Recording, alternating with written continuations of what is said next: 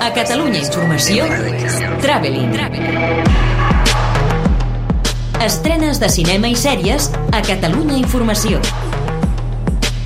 Traveling. Amb Marc Garriga. Here's Marshal Jojo. You're a top man. Prepare to leave the house. L'últim film nominat a l'Oscar a millor pel·lícula que quedava per estrenar-se arriba aquesta setmana. Jojo Rabbit és una comèdia satírica sobre el nazisme dirigida pel peculiar Taika Waititi.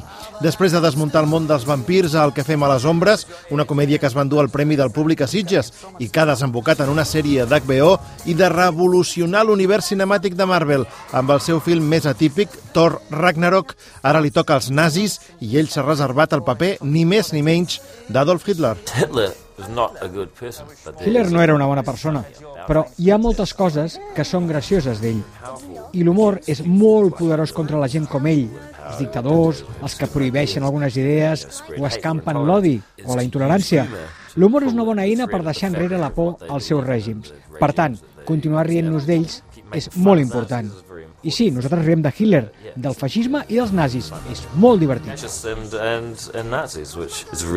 Hitler és l'amic imaginari d'un nen que vol ser el nazi perfecte per sentir-se així membre del club de moda, però que s'adona que en el fons no comparteix el seu ideari quan descobreix que la seva mare amaga una noia jueva a casa seva. Waititi no tenia una tasca fàcil i se'n surt en molts moments. Jojo Rabbit és realment una pel·lícula especial que mereix l'interès del públic per la seva valentia, tendresa i incorrecció i que aconsegueix que es perdonin tots els seus pecats. Ya verás qué felices vamos a ser aquí.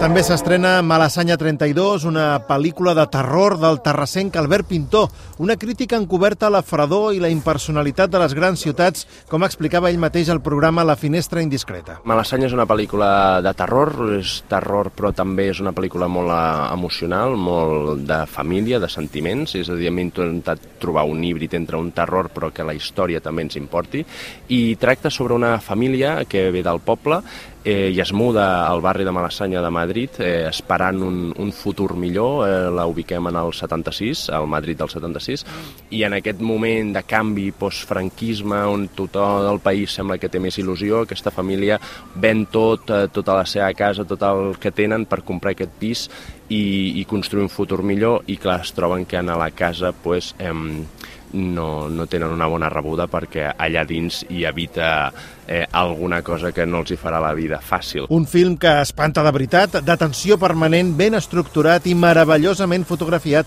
que és un exemple de com amb un projecte ben estructurat i un equip competent es pot fer por amb bons resultats, encara que sigui de forma clàssica i previsible. Vous connaissez mon parcours euh Je sais que vous êtes un homme politique. Completen la cartellera la ben intencionada, allisonadora i també alhora insatisfactòria Los consejos de Alice sobre una jove professora de filosofia que intenta obrir el camp de visió d'un polític que està en un moment decisiu de la seva carrera. La tercera part, 25 anys després del primer episodi de la buddy movie Dos policies rebels, Bad Boys for Life, amb Will Smith i un Martin Lawrence recuperat de l'ostracisme. La grullera comèdia sobre bombers que han de fer de cangurs forçats jugando con fuego i la comèdia independent espanyola Derechos del Hombre. A la petita pantalla s'estrena la caòtica comèdia de ciència-ficció Avenue 5, creada per Armando Iannucci, el mateix responsable de la sàtira política VIP, guanyadora de múltiples premis i amb un repartiment encapçalat per Hugh Laurie, el Doctor House, que interpreta aquí un capità de creuer espacial que ha de lidiar amb uns quants problemes inesperats. Això serà el dia 20 HBO, al mateix dia i al mateix lloc on torna Larry David, amb la desena temporada de la seva comèdia amb un humor sincer, indiferent i indignant que ja li ha valgut també més de 40 nominacions als Emmy. A més, HBO incorpora a partir del dia 22 el catàleg d'Adult Swim, la filial de Cartoon Network, i oferirà sèries d'animació per adults com Robot Chicken, Samurai Jack o Metalocalypse. A tot això, El Embarcadero torna amb la segona i última temporada a Movistar Plus a partir del 17 amb 8 capítols més d'aquest thriller emocional que compten Verónica Sánchez, Álvaro Morte, Cecilia Roth i l'Albufera de València. I el mateix dia s'estrena la segona temporada de Sex Education a Netflix, la plataforma que estrena el dia 23 La Facció Octubre, basada en la novel·la gràfica 30 dies de sobre una família amb uns pares que es dediquen a caçar monstres i uns fills que tenen els seus propis secrets. Traveling. Estrenes de cinema i sèries a Catalunya Informació. amb Marc Garriga. No man left behind.